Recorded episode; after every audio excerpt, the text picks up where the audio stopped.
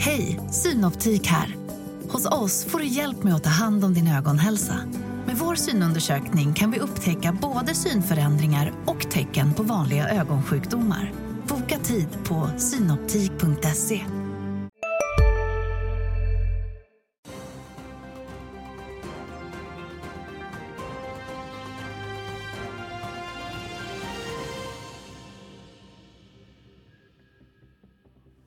kör vi igång? Tid, vi kör igång nu. Vi summerar att vi står och pratar om olika tekniker i backen. Det är tisdag i alla fall. Det är oroliga börser i Asien. Hongkong backade 3% sist jag kollade. Ödesdag för SAS är det också för övrigt. Och den 3 oktober som sagt i kalendern. Det här är Börsmorgon. Förutom SAS som kommer med en presskonferens senare i eftermiddag så har Skistar rapporterat. Ni såg Stefan Sjöstrand bredvid mig här i liften. Vi ska snacka flera case lite senare, bland annat Lundin Mining som har aviserat ett vd-byte idag. Det ska vi göra med Arne eh, Lundberg på Coeli som är med oss alldeles strax. Redan nu står Peter van Berlekom, förvaltare på Espiria, bredvid Stefan Sjöstrand. The man of the hour får vi säga. En väldigt positiv sak i rapporten som till och med jag som är pessimist eh, tar till mig är att bokningsläget är upp 7 Jag antar att det är ett huvudnummer här. Ja, alltså vår Q4-rapport är ju normalt sett en av de eh, jag säga, mindre rent finansiellt, men den indikerar ju två viktiga nyckeltal egentligen. Dels indikerar den hur sommarsäsongen har varit och sen indikerar den då det bokningsläget inför vintern. Så det är klart att eh, på så sätt är den väldigt viktig för oss. Och hur var sommaren då? Nej, den visar ju att vi håller på att ställa om från ett traditionellt vinterbolag till ett året runt-bolag. Och att då redovisa plus 16 procent i antalet aktivitetsdagar bedömer vi som väldigt starkt och att vi har på något sätt hittat nyckeln för hur vi ska bedriva sommarverksamhet. Men det är fortfarande inga stora pengar. Ni har fortfarande en förlust det här kvartalet. ja, det är det. Det är en väldigt liten omsättning. Men samtidigt, det har tagit oss 48 år att bygga alpin skidåkning och nu är vi inne på tredje året på en, en sommarsäsong. Så att det är klart att det tar tid att bygga. Men vi gör det långsiktigt och eh, vår nya strategi att införa det här Sälenpasset, Trysilpasset och också halvera priset på eh, cykelhyra och på, på eh, liftpass under sommaren. Det visade sig fungera väldigt väl och 16 procent i antalet aktivitetsdagar talar ju för det. Till skillnad från många andra i, i besöksnäringen som haft tufft i sommar så visar vi ju en tillväxt. Det här bokningsläget i vinter då, som ökar med 7 hur, mycket, hur viktig är valutaeffekten här? Hur mycket är danskar och tyskar som ser att det blir billigare? Vi, vi ser ju en väldigt kraftig ökning av den danska gästen. Det är mer än 30% ökning på danska gäster. Vi ser ökning från Holland, från Tyskland, från England. Samtidigt är det ju på fortsatt låga nivåer. Men eh, det är klart att den danska gästen är med och bidrar till den här kraftiga tillväxten. Och att redovisa plus 7 det är väldigt starkt. Eh, och om jag jämför det med eh, vårt bästa år så var det ju året när vi hade pandemi, när man inte kunde resa någon annanstans. Mm. Och då ligger det här strax under den nivån. Så det är en väldigt stark indikator. Peter van Berlekham är inte bara en veteran på marknaden och en kapitalförvaltare, han åker också snowboard. Dina tankar eller frågor? Ja, det är väl fantastiska är egentligen om man lyckas få den här tillväxten på, på sommaren. Så invärderingsmodell och skruva upp en tillväxt långsiktigt från 3 till 4 eller 5 procent får ett jättegenomslag för de som tittar på aktien om det håller. Så det, det är bara hatten av för den typen av förändring. Tack. Eh, om vi ska säga något negativt då. Nettoskulden ökar, jag antar att räntekostnaderna stiger. Hur, hur, eh, kan du resonera lite om det? Alltså egentligen så har vi ju fortsatt eh, låga räntekostnader jämfört eh, med många andra. Utan jag tycker vi har en stabil skuldnivå och jag tycker också att rent långsiktigt finansiellt så ser det starkt ut. Vi har en relativt låg nettoskuld i bolaget. Och det beror på om man jämför med IFRS eller utan IFRS. Eh, vi brukar vilja jämföra utan IFRS eh, eftersom eh, Många av våra skulder är ju kopplade till långa leasingkontrakt på skidbackar som är 50-åriga kontrakt. Men vi är ju tvingade att ta in dem i IFRS på det sättet. Men rensat IFRS så tycker jag att vi sitter på en relativt låg skuldnivå. Jag reagerar på att kassaflödet, om man ser till helårs, eh, för det här är väl en helår, ett helårsbokslut, så yes. är kassaflödet ungefär halverat i runda slängar. Varför ja. är det så? Egentligen kan man säga det är, det är två stora slag. I fjol så beställde vi, eh, vi, vi ökar ju kraftigt på, till skillnad från många andra inom retail så växer vi ju kraftigt på retail. Vi växer ju 18% på helår. Vi växer online med nästan 40 och vi växer i butiksledet med plus 5% Så det är väldigt kraftigt. Och det betyder att behöver man köpa in mer insatsvaror. Och eh, i fjol så var alla leveranser försenade och kom in i oktober. I år så kom de i tid och kom in i det här kvartalet jämfört med i fjol. Och det är ju en ökning med över 100 miljoner i, i insatsvaror då till vår retailverksamhet som slår.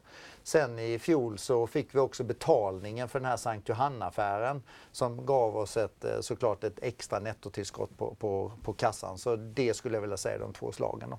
Har du någon mer fråga i det Peter? Nej, men det här IFRS det är, ju, det är ju en kvarnsten lite grann för det är ju samma som Scandic Hotels ja, och liknande exakt. har. Ja.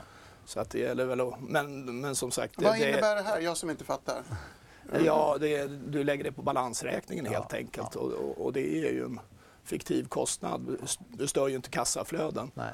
Och Scandic väljer ju också liknande sätt eh, som vi gör att välja att redovisa utan IFRS. Men det är kommunikationen jag tror är utmaningen mm. där på ett bra sätt så att man förstår att så småningom ger det här. Det ger bra kassaflöden när ni har investerat klart och, och underliggande går det ja, på räls antagligen. Och tittar du på, på för oss, de stora skuldsättningarna som jag sa är ju de långa leasingkontrakten på våra skidbackar men också då eh, de långa hotellkontrakten som vi har med Skiab och Skiab är ju ett eh, JV som vi har tillsammans med, med Peab och, och där får vi tillbaks hälften av den eh, hyran eh, in i Skistar sen också. Kort avslutningsvis, eh, personal och marknadsföringskostnader ökar. Ni har också ett sparpaket igång. Ja. Kort uppdatering där. Eh, under förra kvartalet så rapporterade vi om att eh, vi såg en kraftig ökning av personal, marknadsföring och reparation och underhåll och då bestämde vi oss för att tillsätta ett åtgärdsprogram, en ny organisation för effektiva arbetssätt och Eh, Eh, då angav vi ingen siffra. Det här kvartalet säger vi att nu, nu räknar vi med 50 miljoners besparing under innevarande år i den första batchen. Men vi är ju inte nöjda med det utan vi fortsätter ju jaga kostnader. Vi är i alla fall nöjda med att du kom hit och berättade om kvartalsrapporten, Stefan. Stort tack för det. Vi vänder oss direkt till Studio 2 apropå de ganska markanta fallen noterade i Asien under natten. Sofie. Ja, det har varit breda nedgångar på de ledande asiatiska börserna under morgonen och Tokyobörsen som precis stängde, de backade en och en halv procent. Hongkong är öppet en timme till och där backar börsen närmare 3 procent, men då ska sägas att den har backat mer än 3 procent under dagen. Och den tyngs ju bland annat av energibolagen, bolag som PetroChina tappar över 5 procent, men även av fastighetssektorn. Och där går faktiskt Evergrande mot strömmen. Aktien som precis har öppnat för handel igen stiger tvåsiffrigt och är just nu upp 20% Men då ska sägas att aktien har tappat nästan 80% under året och då varit stängd för handel en stor del av året.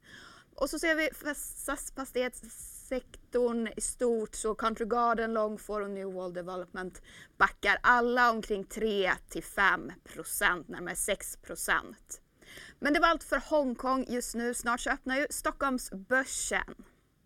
Stort tack för det. En liten uppdatering. Jag antar att räntepressen eh, står varmt välkommen Arne, ska vi säga, in i studion tack. också. Eh, förvaltare på Coeli förstås. Eh, räntepressen pratade vi om. Ja, men det är ju det. Alltså, det är tung motvind för aktiemarknaden. När tittar på amerikanska tioåringen som har gått upp nu till ungefär 4,70. Det är ju väldigt motvind så att jag tror att vi får räkna med volatila börser tills vi får någon sorts känsla att vi har nått en räntetopp där på, på långa räntorna. Konstigt att vi inte har nått den toppen. Nu tycker jag konjunkturen börjar vika på allt fler håll. Peter, dina tankar? Ja, det gör den ju. Eh, men det är för, lite för starkt i USA. Så jag tror det är snarare en anpassning till ett högre ränteläge. Och förhoppningarna går ju alltid före. Och det har det väl gjort även den här gången. Men det det kommer en, en bättre period längre fram. Sen, sen är ju frågan när sänks räntorna? Ja, och när sjunker bolagsvinsterna? Det borde ju, nu är vi i den värsta av världar nu. Ja, men det, det, är ju det här gapet som man är, är orolig för nu. Det att vinsterna är på väg ner och det har man inte riktigt sett än. Och då behöver någon annan ta över ledarskapet och det är ju normalt eh, räntan och korträntan som sänks men den ligger ju ett halvår fram eller ett antal månader fram. Och det är ju det, mind the gap lite grann. Och det är den oron som utspeglar sig, som, som, som man ser i börserna just nu. Men vi har ju skjutit den här väldigt förväntade konjunkturavmattningen framför oss. Ja. Den lär ju komma, men vi skjuter den på, på framtiden och i väntan på det så är det den här osäkerheten då. Ränteläget, konjunkturutvecklingen, inflationen. De komponenterna, det är det vi lever med nu. Jag tänkte visa lite. Henrik Mittman skriver idag, tänkvärt och läsvärt som alltid, om att pessimismen har brett ut sig, precis av de anledningar vi diskuterar här. Men att det blivit så pessimistiskt där ute, jag brukar ta upp det här i studion också, att inkorgen är alldeles svart av alla negativa, dystra analyser. När alla blir negativa så kanske man kan hoppas på en studs. Ja, och det är också säsongsmässigt. Det här är, september är ju regelmässigt en ganska tuff månad på börsen. Det är upp till bevis, man ska leverera det som har lovats under första halvan av året. Så att vi är vana att, att det ser ut så här. Men nu går vi snart in i den, den bättre perioden för aktiemarknaden, november till april. Tror du också på en Ja, bättre... ja det är, så småningom kommer det, men jag hoppas inte på någon studs, någon sorts falsk uppgång. Jag hoppas att det stabiliserar sig. Apropå falska uppgångar. SAS, flygbolaget, har kallat till pressträff klockan 18 idag för att ge en uppdatering om bolagets pågående kapitalanskaffningsprocess. I helgen kom uppgifter om att det pågår en budstrid om SAS mellan amerikanska riskkapitalbolaget Apollo och ytterligare en aktör. Igår pratade vi med Sydbanks flyganalytiker Jakob Pedersen om de här uppgifterna. Yeah, well, I would uh, say that that that Apollo being uh, one of the parts in such a, uh, an auction process uh, would would for me be, be very logical. Um, from from the beginning, it has seemed uh, very logical that that Apollo and the Danish state would at least, uh, in in some form, try to to make a bid together in order to yeah to, to get control of of SAS moving forward. Hela den intervjun finns förstås på di.tv. Jag vet inte om någon av herrarna är intresserad av flygbolagsaktier. Ja, tyvärr har man väl lärt sig under åren att man ska stå vid sidan om. Bäst att stå vid sidan om. Eh, vi skriver om en annan grej i tidningen idag som jag tänkte ta er på pulsen. Eh, bo, förstås eh, Ingrid Bonde som får lämna Alecta. Kanske ingen jätteskräll efter all kritik som vi det inte minst har eh, drivit på. Några tankar från sidlinjen? ja, men det är ju ett förtroendeuppdrag. Om man då inte har förra förtroendet så är det en ganska naturlig utveckling i den här situationen som de har satt sig i. Inte om du har någon djupare syn på det? här?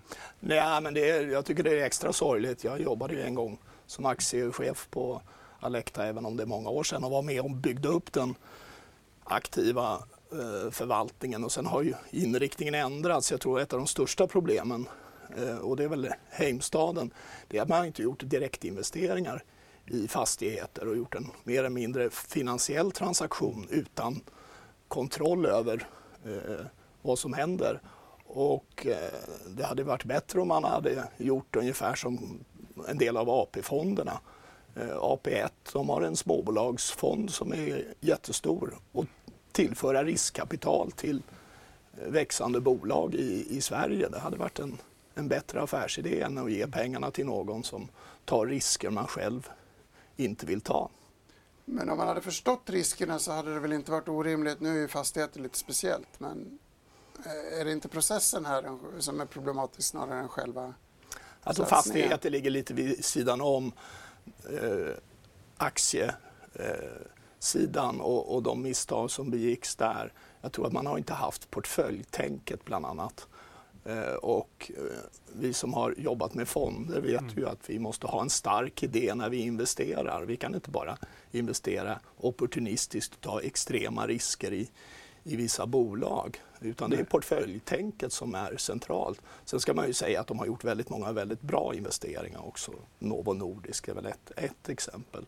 Men jag tror man har inte hållit ihop det tillräckligt bra under de här åren. Och det här är väl bara en konsekvens av det hela kopplat med eh, svag kommunikation i- inledningen av krisen. Du nickar, vill du? Nej, jag bara tycker, jag håller med det Peter säger. Och man har ju verkligen inte lyckats med de investeringar man har gjort och därigenom så har man ju då nu fått ta konsekvenserna av det. Så är det och vi får följa den utvecklingen. Eh, roligt att du nämner Novo Nordisk. Vi kanske kommer in på lite hälsovård sen. Ska man äga Novo Nordisk idag? En snabb enkät med tanke på att den har gått upp så starkt. Ja, det ska man.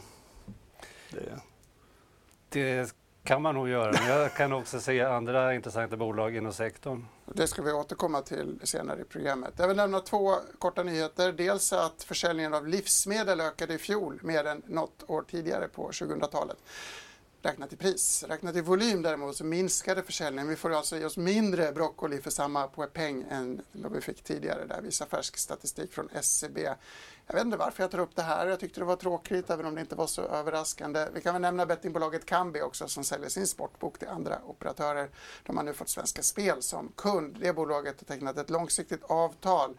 Allra bäst i den här kråksången är att bolaget är med oss omkring 9.20 så häng kvar en stund så får vi prata med Kambi om betting. Är det någon som vill reflektera kort över betting eller grönsakspriser? Ja, grönsakspriser, det är stora, stora utmaningen är ju matsvinn. Det är ju ett jätteproblem. Mm. Det borde vi komma till rätta med. Men nu har klockan slagit nio. Det är dags för oss att gå till Studio 2 än en gång för en svensk börsöppning.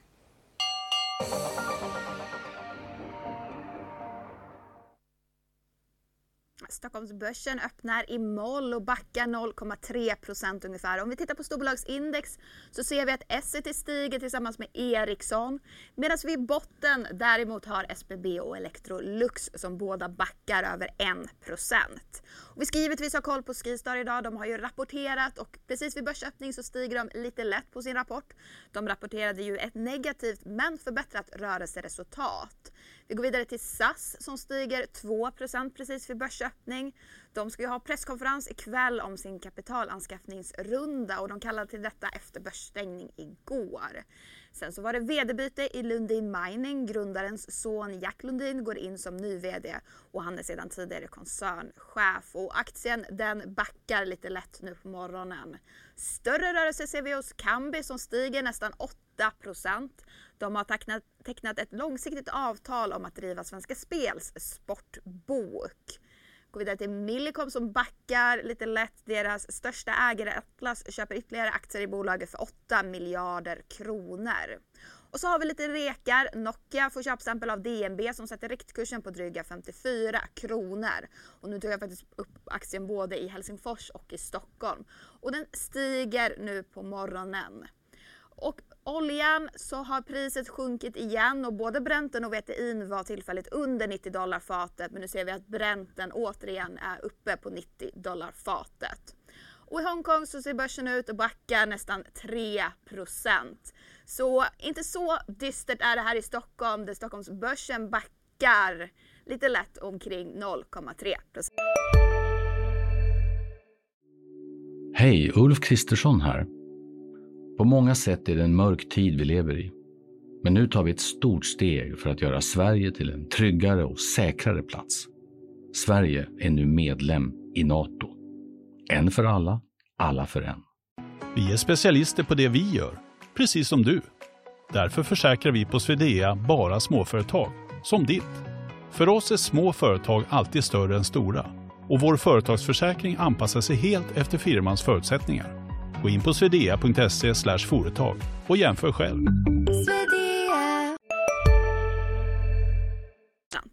Mm, Skistra som var med oss tidigare runt nollan alltså trots optimism i uttalanden från VD fast han är alltid optimistisk i och för sig. Eh, Millicom tycker jag är ett glädjande upp nästan 30 hittills i år. Denna ständiga surdeg. Några tankar? Ja, det är ju budspekulation där kring bolaget och eh, vi ser deras utveckling i Sydamerika som är det viktiga för dem. Men det verkar ju som den här huvudägaren nu håller på att köpa in ännu mer aktier. Fransmannen Atlas heter bolaget. Då blir man ju glad som svensk aktieintresserad. Ja, det, det, blir man. Men eh, han, huvudägaren har ju stöpt om och byggt upp Iliad i Frankrike med stor framgång. Så att, eh, Bra track record alltså. Exakt. Och lite budkrydda. Ja, eh, roligt eh, med en teleoperatör som det faktiskt går bra för. Nyheten om eh, att Lundin Minings VD Peter Rockander lämnar vid årsskiftet och ersätts av arvtagaren Jack Lundin. Mm. Hur oväntad eller överraskande var den? Inte helt eh, överraskande, kanske bara tajmingen, men inte annars för att det här är en ganska naturlig utveckling i och med att Jack eh, tog över rollen som koncernchef och Eh, Eh, de har flyttat huvudkontoret till Vancouver där han och Adam bor. Och det var också kanske ett tecken. Och sen har jag hört via uppgifter att eh, VD också inte för så länge sedan sålt en del aktier. Det är också kanske ett, ett, något som bubblade under. Och... Aha, tecken på att man är på väg ut. Jack Lundin är alltså Lukas Lundins son, Lukas Lundin, som gick bort förra sommaren om jag inte blandar ihop årtalen här. Eh, betyder det något att VD säljer aktier? Hur ser Nej. du på Lundins ägarposition? Det som har varit intressant att se det är att Lundin-familjen själva köper ju aktier. De har ju över 15 procent eh, aktieägarandel och har på sistone köpt en hel del aktier. Och eh, jag tror att det här är som sagt ett naturligt steg. Eh, bolaget ligger ju väldigt rätt om man tänker strukturellt. Konjunkturellt är frågan om efterfrågan av koppar, men strukturellt att nu har ett bolag, de gjorde förvärv i våras, köpte en till gruvtillgång eh, i Chile, vilket gör att de nu har nästan 70% kopparexponering. Om vi tänker strukturellt med energiomställning, elektrifiering i samhället, där ligger de ju helt rätt. Men invändningen är att eh, kines, kinesisk avmattning eh, brukar gå hand i hand med sjunkande kopparpriser i det kortare perspektivet. Ja, ser man alltså BNP-utveckling och kopparpriser brukar ju följas åt ganska väl. Nu har vi faktiskt sett att även om Kinas BNP står och hackar så har de faktiskt ändå haft stor efterfrågeökning både på olja och koppar. Så att, eh, och kopparpriset har ju hållit sig hyfsat väl. Får vi se om det kan eh, stiga under slutet på året. Men eh, som sagt strukturellt väldigt intressant tillgång. Har du några tankar kring råvaruexponering? Ja, men jag tittar ju lite mer kuriosa kanske, Copperstone Resources i Kiruna och vad som händer där med tillståndsansökan. Mm. Det kan ju vara väldigt intressant för de som tittar på lite mindre bolag på, på lite längre sikt. Sen har vi, vi har en exponering mot Boliden men de brottas med ganska låga halter när det gäller kopparn för närvarande och det försvinner ju inte på en gång. Så att, eh, jag lite större mycket, os osäkerhet där. Det är mycket brottning i Boliden. All, mm. Alltid är det något som ställer till det men på pappret? Ja, det var ju ett mardrömskvartal det här andra kvartalet så att, eh, det, det, blir väl bättre men frågan är hur bra det blir. Har, Lundin har lite sämre koll på men man har inte drabbats av motgångar i liksom driften på samma Nej, alltså de har ju en historik av att kanske inte ha levt upp till förväntningarna. Men de möten vi haft på sistone med ledningen och med Jack Lundin, de är väldigt noga med nu att det man har i sina prognoser, de har till och med dragit ner lite investeringstakt, men i prognoserna, det lär de uppfylla och eh, de har inte haft några sådana här stora, men det var ju brand hos Boliden till exempel. Sånt har Lundin definitivt sluppit. Mm. Skönt eh, att slippa sånt. Vi ska snacka flera bolag. Jag tänkte vi ska nämna Embracer lite kort. Naila Salkovic på GP Bullhand var här i studion igår och pratade om det bolaget som ju haft det lite tufft. Många har flytt Embracer som börjar se billigt ut, säger hon. Så här lät det samtalet. Många har eh, flytt lite från Embracers position då, i och med att de har haft det ja, men ganska finansiellt tungt och vi alla vet att det har varit ganska skakigt. Men eh, tittar vi på Embracer skulle jag ändå säga att eh, får de ordning på eh, skuldnivån så ser det ändå ganska billigt ut nu. Och tar vi även hänsyn till vet du, att brädspel är deras andra största segment i försäljning och brädspel har inte samma hävstång så skulle jag säga att det ser ännu billigare ut. Konjunkturavmattning, du vill ha lite mer defensivt? Vi ska snacka defensiva aktier eh, alldeles strax. Jag ville bara nämna det här Embracer-klippet. Jag vet att det är ett bolag som engagerar många. Eh, Peter, vi pratade lite inledningsvis om den svåra makroekonomiska miljön och när man ska vänta sig en vändning. Tidigare har vi pratat om bygg och fastighet lite grann. Du tog upp Nobia som ett möjligt exempel, eller bolaget diskuterar kring. Ganska motigt läge, byggrelaterat köks, ja. Köksinredningar just nu.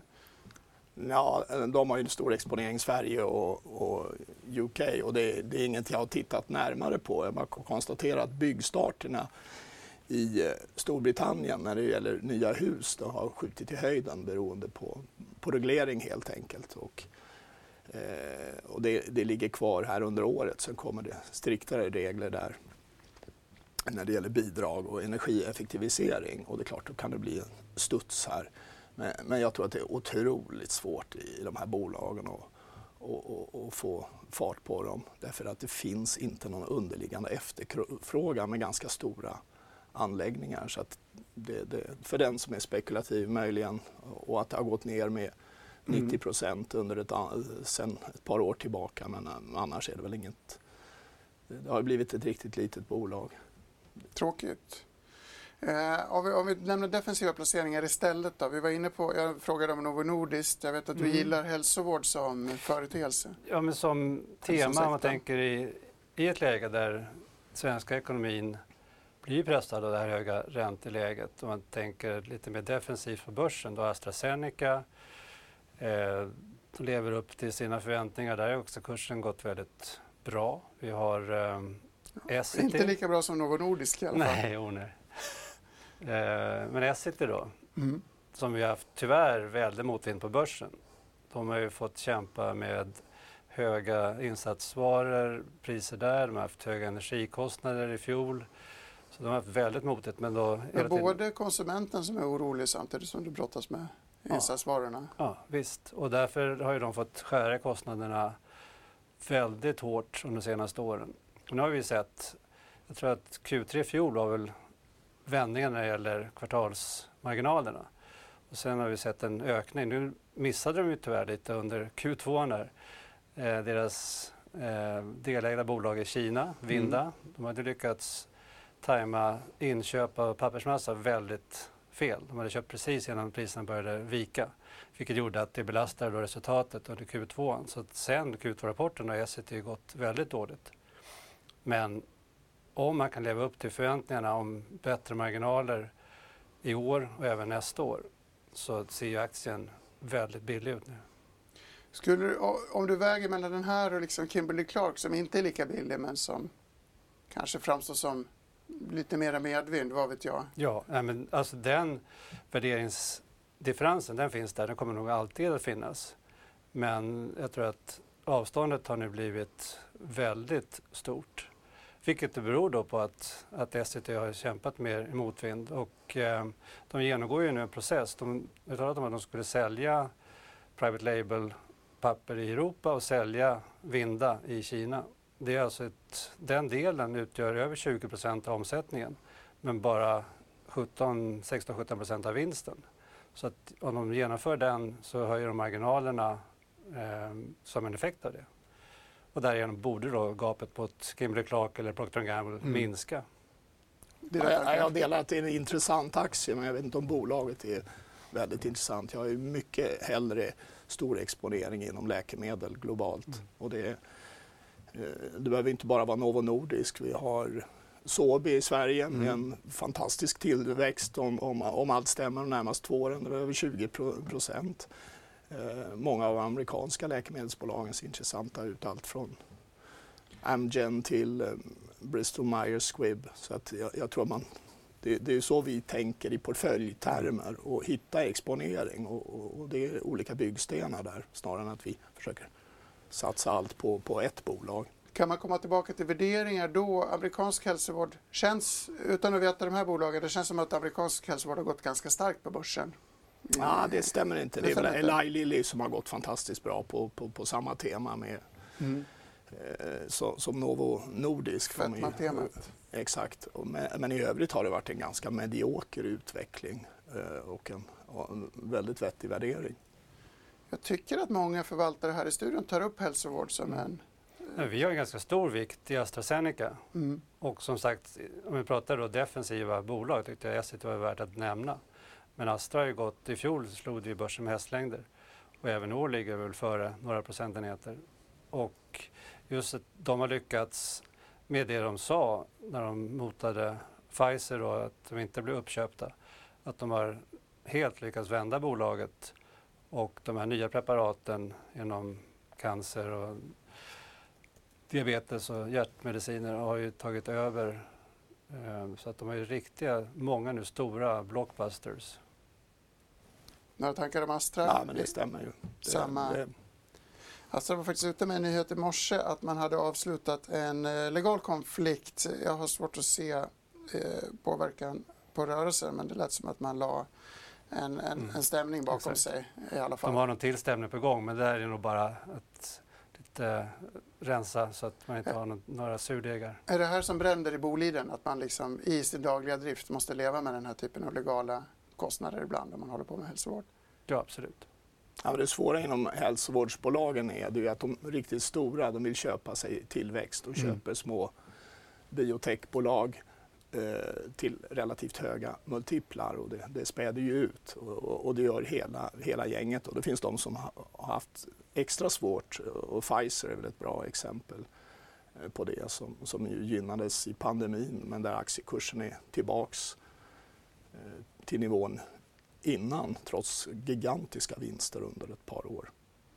Om vi ska runda av då. SCT, man har ett åtgärdspaket också liggande just nu. Är det en viktig faktor att man...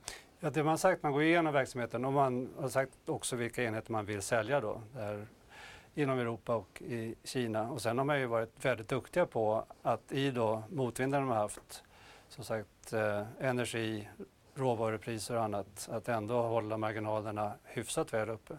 Men nu har de faktiskt medvind. Energipriserna är ju långt ifrån så höga som de var i fjol och eh, insatsvarorna är också på väg ner så att därför ser vi en möjlighet nu då för marginalexpansion och därigenom borde det få effekt på aktiekursen. När det gällde AstraZeneca så handlar det om ett förlikningsavtal gällande produktansvarsstämningar relaterade till preparaten Nexium och Prilo 6. Så fick jag det korrekt sagt också, det var lite vagt tidigare. Hörrni, vi går till Studio 2 för en börsuppdatering. Sen ska vi snacka lite fastigheter och lite Kambi efter det. Varsågod Sofie. Stockholmsbörsen fortsätter i moll och backar 0,2 procent. Och om vi tittar på storbolagsindex så ser vi att i botten så har vi Electrolux och Sandvik och även Boliden rör sig där nere och backar omkring 1 procent. I toppen däremot och stiger över 1 procent så ser vi Ericsson och SBB. AstraZeneca som vi precis pratade en hel del om, de stiger faktiskt en halv procent nu på morgonen efter att de förlikas i flera tvister. Men om vi fortsätter inom den sektorn så ser vi desto större rörelser Synact Pharma stiger tvåsiffrigt upp 16% just nu. Och de tappade ju 87% en dag i september på ett studiebakslag och är nu dagens vinnare. Eh, och det efter ytterligare data från samma studie som de tappade på. Ska också sägas att de precis vid börsöppning var upp 30% men nu stiger aktien omkring 16% Vi går vidare till om vi ska prata tvåsiffrig rörelse så Kambi stiger 10 och det är efter att de har tecknat ett långsiktigt avtal om att driva Svenska Spels sportbok. Skistar som har rapporterat stiger 1% på sin rapport. SAS stiger desto mer, upp 12% nu på morgonen och de ska ha presskonferens ikväll om sin kapitalanskaffningsrunda och det kallar de till efter börsstängning igår. Sen så hade vi vd-byte i Lundin Mining. Grundarens son Jack Lundin går in som ny vd och han är sedan tidigare koncernchef. Och den aktien backar 1%. Och 1% backar även Millicom. Och där har största ägare Atlas köpt ytterligare aktier i bolaget för 8 miljarder kronor. Och så tänker jag att vi avrundar med rekarna. Nokia får köpstämpel av DNB och aktien stiger omkring 1%. Brenten ligger återigen på 90 dollar fatet. Hongkongsbörsen backar nästan 3 och här i Stockholm så backar börsen omkring 0,3 Ja, Kambi, vinnaren, är med oss om några minuter hoppas vi. Har ni någon betting i era portföljer? Ja, vi har inte ren betting. Vi har Evolution Gaming och eh, ett bolag som ju var väldigt högt värderat tidigare som nu är väldigt lågt värderat givet de eh, förväntningar som finns där kring marginalutveckling och vinstutveckling. De är alltså 70% i marginaler. Mm. Du betalar inte mycket för den tillväxten. Och det verkar väldigt svårt att komma upp med en värdig utmanare och konkurrent. De verkar ha Ja, de är ju väldigt dominerande inom sitt fält. Nu var då kanske utvecklingen i USA lite lägre än väntat senaste kvartalet men om det bara var ett hack i kurvan så är det här en, en riktig vinstmaskin. Apropå gamla förvaltarfavoriter ska vi lämna fastighetssektorn. Igår kom besked om att Oscar Properties inlett diskussioner med sina obligationsägare om att senarelägga räntebetalningar på seniora säkerställda obligationer. Det här är avvaktan på att parterna finner en långsiktig lösning. Hur de nu ska kunna göra det, vad vet jag. Eh, man väntar i alla fall på ett upplägg som ska föreslås för ränteutbetalningar som skulle erlagts i oktober, 5 oktober. Eh, Oscar Properties känns ju väldigt, väldigt slut. SBB är kanske mer aktivt och mer angeläget. Eh, Peter från Berlekom snackade om det här bolaget för mer än ett år sedan när han var här sist, apropå de många fansen. Så här lät det då. Jag kan konstatera att det är 200 000 svenskar som har köpt in sig i bolaget, vilket är ju intressant spaning. Och att eh, VD, styrelse tar risker som jag inte är säker på att eh, många av de här små ägarna varken förstår eller känner sig komfortabla med. Och då får man den här utvecklingen. Det kan vara en fantastisk investering från nu men det är klart ett bolag som har tappat 80 procent i år. Det gör ju en ganska nervös och har blivit mer, jag kan inte säga en lottsedel men ändå en högriskbolag. Om du har en portfölj som är över 150 miljarder i fastigheter och, och börsvärdet är drygt 10 procent av det här det talar om för mig att det, det här är väldigt hög risk. Det var alltså en ännu yngre Peter von Berlekom som resonerade för ett år sedan. Eh, då var ju SBB lite grann på dekis redan får vi väl säga. Ganska mycket. Ganska mycket och det har inte blivit bättre sedan dess. Nej, men jag hoppas väl på någon ordnad avveckling av det här bolaget. Nu delar man ju upp det i tre delar och transparensen är låg så det är ju inget man eh, ska titta på. Men jag tror att för stabiliteten i, i ekonomin och hela fastighetssektorn så är det viktigt att det här sker på ett på ett ordnat eh, sätt. Eh, men det verkar väl ganska positivt. VD är förtroendeingivande, Helena Lindahl har blivit finanschef. Det känns som att man har en seriös ansats i alla fall till ordnat avslut som du säger. Ja, men det handlar ju om, om de här fastigheterna som är fortfarande högt belånade, det som är kvar. Och förmodligen har man ju en teknisk skuld i stora delar av bestånden. Man har helt enkelt underinvesterat under, under många år. Så att jag, jag ser ju inte riktigt den, den, bästa biten med utbildningsfastigheter. Och jag har själv tittat på en del på en tur här i våras. Det, det, det är bra kåkar men de, de är ju sålda.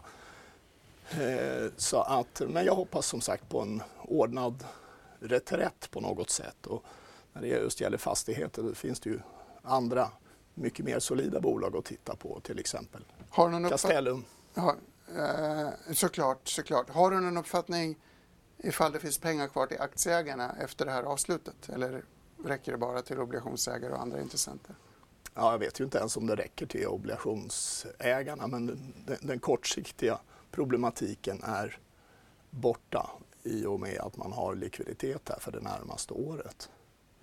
Men jag tror inte man ska hoppas för mycket men det, det, jag, det jag sa för ett år sedan, det är en lottsedel och, och många har redan förlorat det mesta av mm. pengarna. Så det, det, det, det, kan säkert gå bra på börsen under, under en period här men det, det är något annat. Och det, ja. Kan SAS-aktien lyfta 10% så kan väl SBB också, apropå bolag där det inte är säkert att det finns så mycket värden för aktieägarna.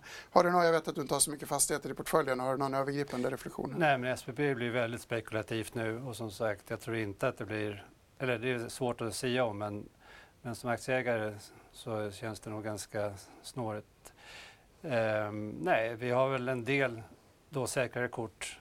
Du nämnde Castellum, det kan jag hålla med om. Betydligt tryggare. Uh, Balder kanske. Mm. Men uh, vi har väldigt låg exponering med tanke på ränteläget och kanske kommande uh, lite mer kyliga vindar i ekonomin. Okay.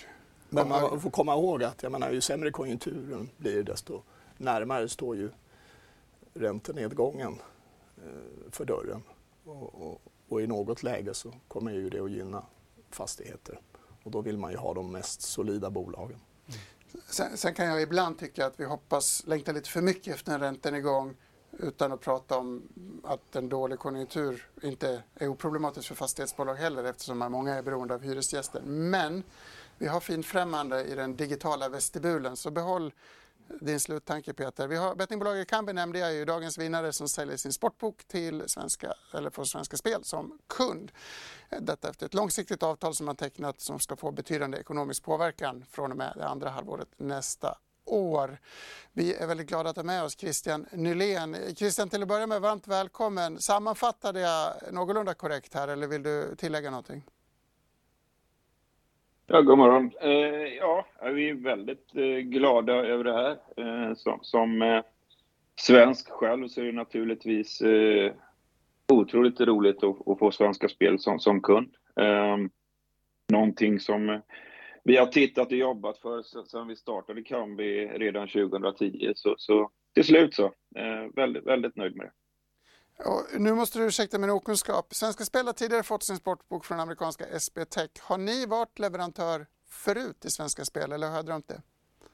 Nej, det har vi inte varit. De hade eh, en e-, egen sportbok innan eh, de hade SB Tech.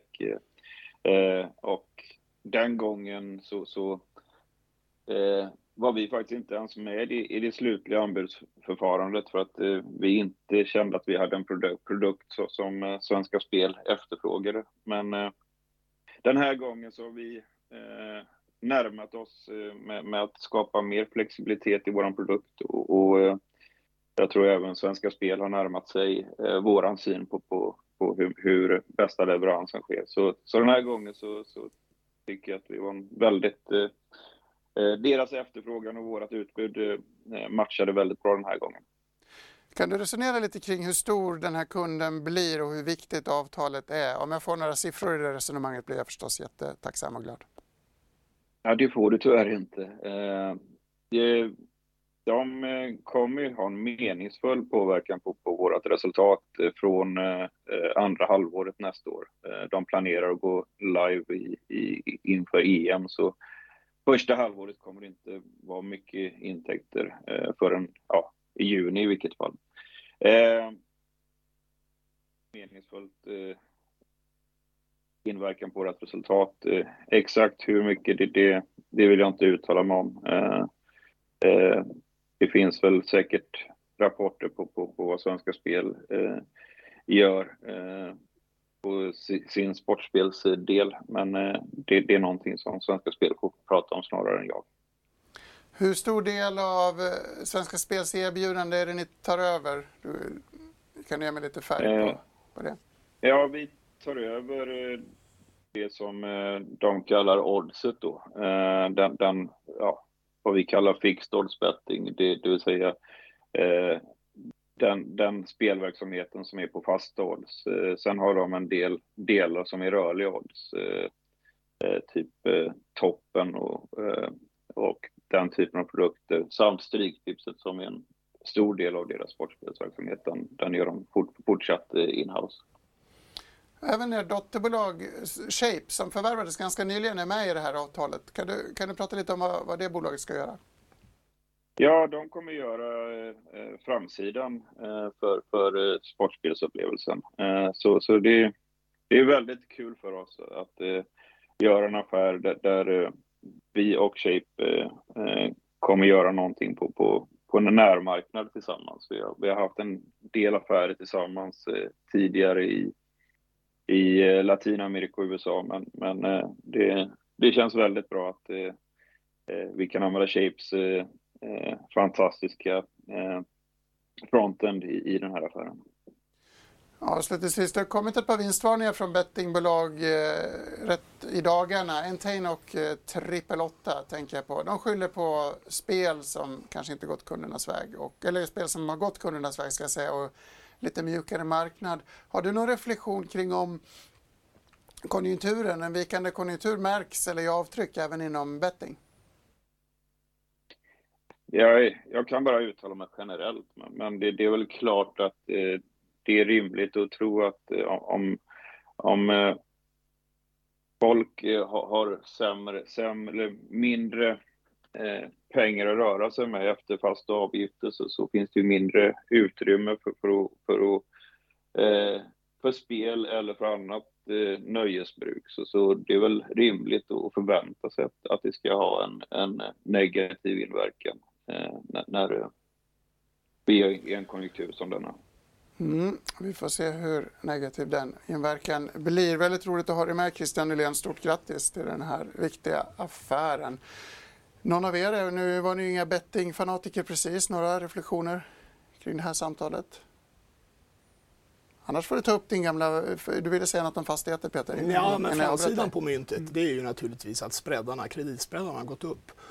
Och det gör ju att i primärmarknaden när bolag emitterar så får de betala ganska mycket och det gör ju att de som investerar i eh, obligationsfonder och gärna, eh, gärna företagsobligationer kan få en väldigt god avkastning och det är ju det som har skiftat över till, till dess fördel under det här året. Så det är alla vi som har något att erbjuda där väldigt glada över. Eh, däremot kanske inte fastigheter, för det är inga säkerställda lån. Det... Och, det, och, de tar mm. bankerna. Men, men, det finns ju många andra företag som emitterar också. Och, och du kan få en avkastning på 8, 9, 10 procent, kanske ännu mer i relativt säkra placeringar. Ja, det blir allt mer tilltalande att inte vara på börsen. Många alternativ där ute. Det, det, finns ju det, absolut nu när vi får räntenivåer på de här nivåerna. Och historiskt sett är ju räntorna ännu nu inte speciellt höga. Vi kommer bara från ett extremläge där vi hade sett så låga räntor som vi haft under den senaste 8-10 årsperioden. Så det är klart att nu sätts ribban högre för aktiemarknaden när du kan ha ganska risk eller i alla fall lägre riskalternativ till en, en ganska, ganska rimlig avkastning nu för tiden. Börsen kanske har flera konkurrenter men vi på Börsmorgon eh, är förstås ohotade i vår glans när det gäller kunskapsförmedling om olika investeringsformer. Stort tack för bidrag till detta ifrån Peter van Wellekom, förvaltare på Espiria och Arne Lundberg på Coeli. Gabriel Mellqvist heter jag, tackar för mig. Hoppas ni hänger med oss igen imorgon, samma tid, samma kanal och i Börskoll klockan 14. Vi ses! Snyggt! Mycket bra.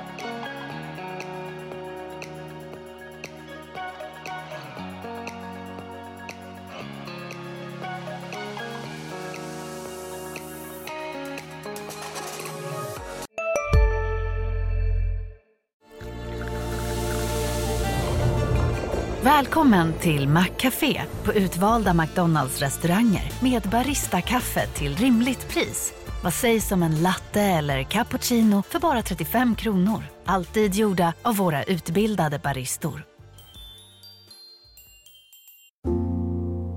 Ska några små tassar flytta in hos dig? Hos Trygg Hansa får din valp eller kattunge 25% rabatt på försäkringen första året. Läs mer och teckna djurförsäkringen på trygghansa.se. Trygg Hansa, trygghet för livet.